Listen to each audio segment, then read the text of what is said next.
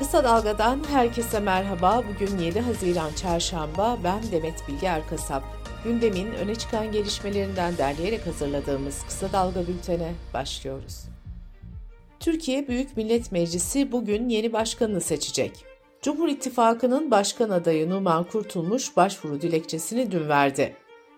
Numan Kurtulmuş mecliste bulunan siyasi partileri ziyaret etti ancak Yeşil Sol Parti'ye gitmedi.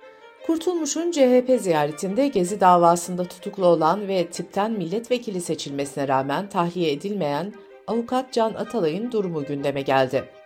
Kurtulmuş devam eden bir mahkeme olduğunu belirterek ümit ediyorum ki en kısa süre içinde mahkeme kararını verir dedi. Türkiye İşçi Partisi ise meclis başkanlığına Can Atalay'ı aday gösterdi. Yeşil Sol Parti'nin adayı ise Tülay Hatimoğulları oldu. İyi Parti'de İstanbul Milletvekili Cihan Paçacı'nın aday olduğunu meclis başkanlığına bildirdi. Mecliste başkan seçimi gizli oyla yapılacak. İlk iki oylamada 400 oy, üçüncü oylamada ise 301 oy aranacak. Üçüncü oylamada salt çoğunluk sağlanamazsa bu oylamada en çok oy alan iki aday için dördüncü oylama yapılacak. Bu oylamada en fazla oy alan üye başkan seçilecek. Avrupa İnsan Hakları Mahkemesi 2016'dan beri cezaevinde bulunan HDP'nin eski eş genel başkanları Selahattin Demirtaş ve Figen Yüksekdağ'ın yaptığı başvuruda hak ihlali kararı verdi. Yüksekdağ ve Demirtaş tutukluluk hallerine itiraz etmek için etkili bir yardım alamadıkları için başvuruda bulunmuştu. Avrupa İnsan Hakları Mahkemesi Demirtaş ve Yüksekdağ 5500'er euro manevi tazminat ve 2500 euro da mahkeme masrafı ödenmesine hükmetti.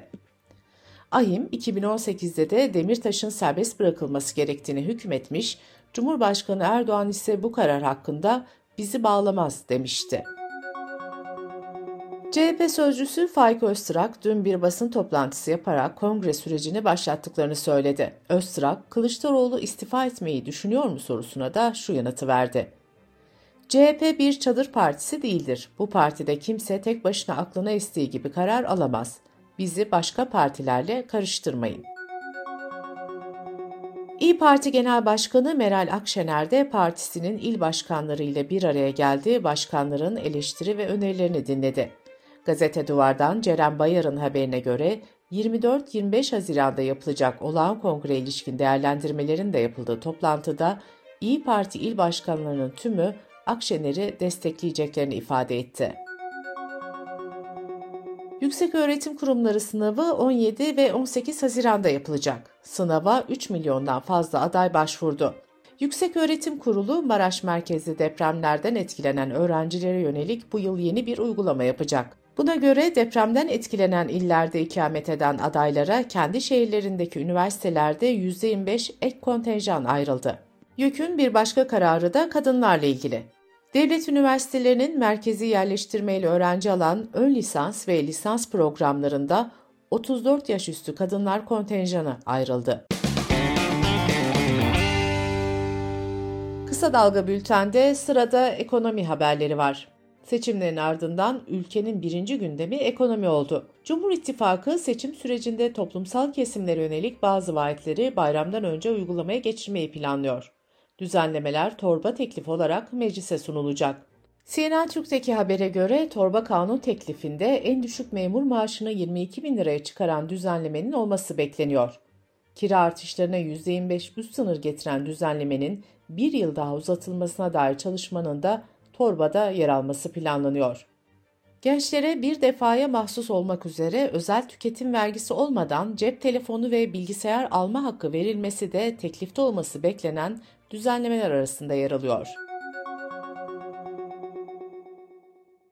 Asgari ücret ara zammı da ekonomi gündeminin önemli başlıklarından. Türkiye İstatistik Kurumu Haziran ayı enflasyon rakamlarını Kurban Bayramı tatili nedeniyle 3 Temmuz'da değil 5 Temmuz'da açıklayacak.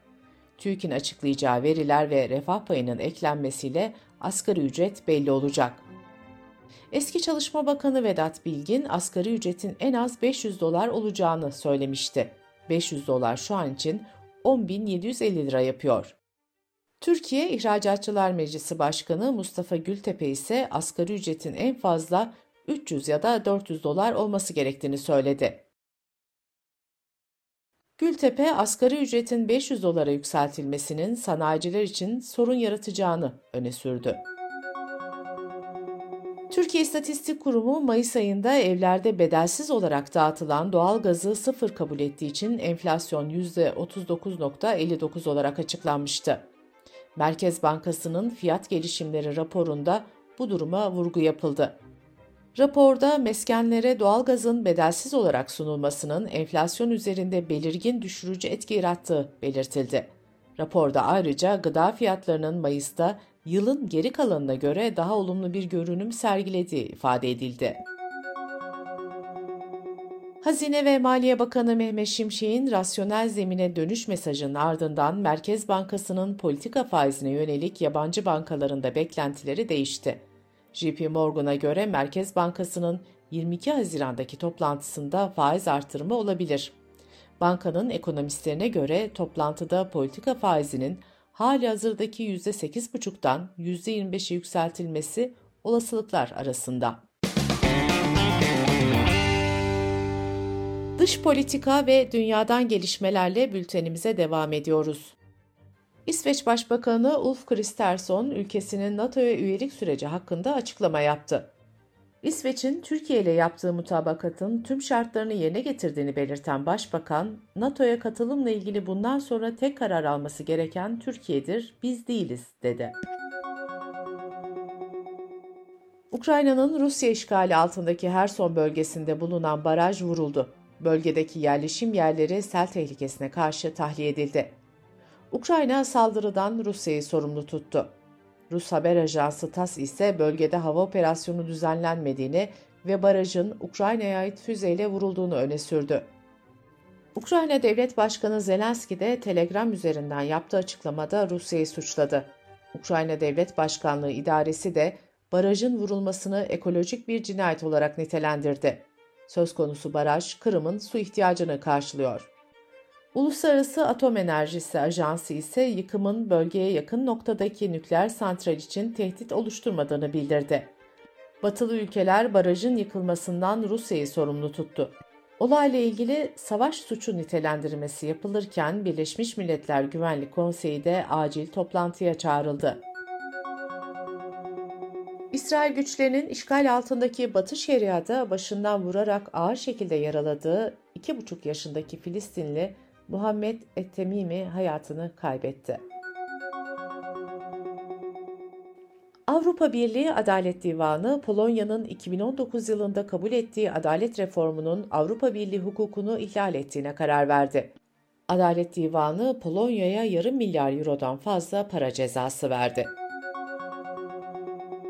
Fransa'da emeklilik yaşını iki yıl uzatan tartışmalı reforma karşı dün ülke çapında kitlesel grev ve gösteriler yapıldı. Yapılan son anketlerde Fransızların %57'sinin grev ve gösterileri desteklediği belirtildi. Kırgızistan'ın başkenti Bişkek'te güvenlik güçleri eş zamanlı operasyonlar düzenleyerek birçok kişiyi gözaltına aldı. Kırgız medyasının Devlet Ulusal Güvenlik Komitesi kaynaklarına dayandırdığı haberine göre şüphelilerin Kırgızistan'da darbe yapmayı planladıkları öne sürüldü. Şüpheliler arasında bazı askerler ve bürokratlar da var. Sovyetler Birliği'nin dağılması sonrası bağımsızlığını 1991'de ilan eden Kırgızistan şimdiye kadar 3 kere darbeye sahne oldu. En son 2020 yılında darbe planladığı şüphesiyle bir milletvekili tutuklanmıştı. Kolombiya'da Cumhurbaşkanı Gustavo Petro'nun seçim kampanyasında usulsüzlük yaptığı iddia edildi. Ulusal Seçim Konseyi Petro hakkında soruşturma başlattı. Petro'nun seçim kampanyası sırasında belli bir miktar karşılığında oy satın aldığı öne sürülüyor. Önce Sovyetler Birliği ardından Rusya için ajanlık yaptığı suçlamasıyla 2022 yılında ömür boyu hapis cezasına çarptırılan FBI'ın eski ajanı Robert Hansen cezaevinde ölü bulundu. 79 yaşındaki eski ajan Colorado'da yüksek güvenlikli bir cezaevinde tutuluyordu. Bültenimizi kısa dalgadan bir öneriyle bitiriyoruz. Gazeteci İbrahim Ekinci haftanın ekonomi gündemini ve yeni kabinede Mehmet Şimşek etkisini yorumluyor. İbrahim Ekinci'nin hazırlayıp sunduğu marjinal faydayı kısa dalga.net adresimizden ve podcast platformlarından dinleyebilirsiniz. Gözünüz kulağınız bizde olsun. Kısa Dalga Medya.